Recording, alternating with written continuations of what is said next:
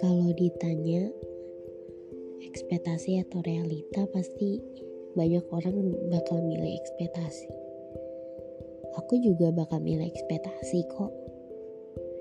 Karena menurutku realita gak akan seindah ekspektasi kita.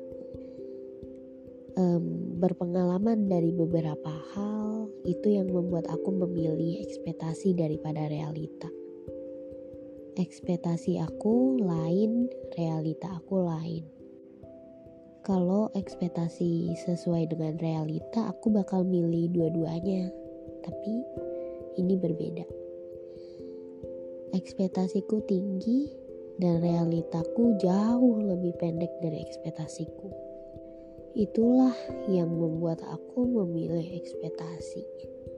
Karena ekspektasi lebih menyenangkan daripada realita yang menyakitkan.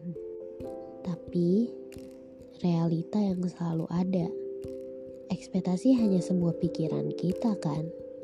Tapi realita adalah yang benar-benar terjadi.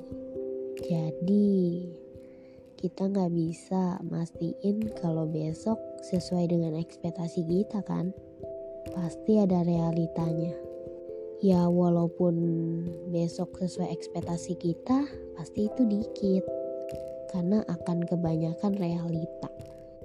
So kalian lebih milih ekspektasi atau realita? Dan alasannya apa? Ya udah sekian aja ya podcast kita hari ini. Bye semua.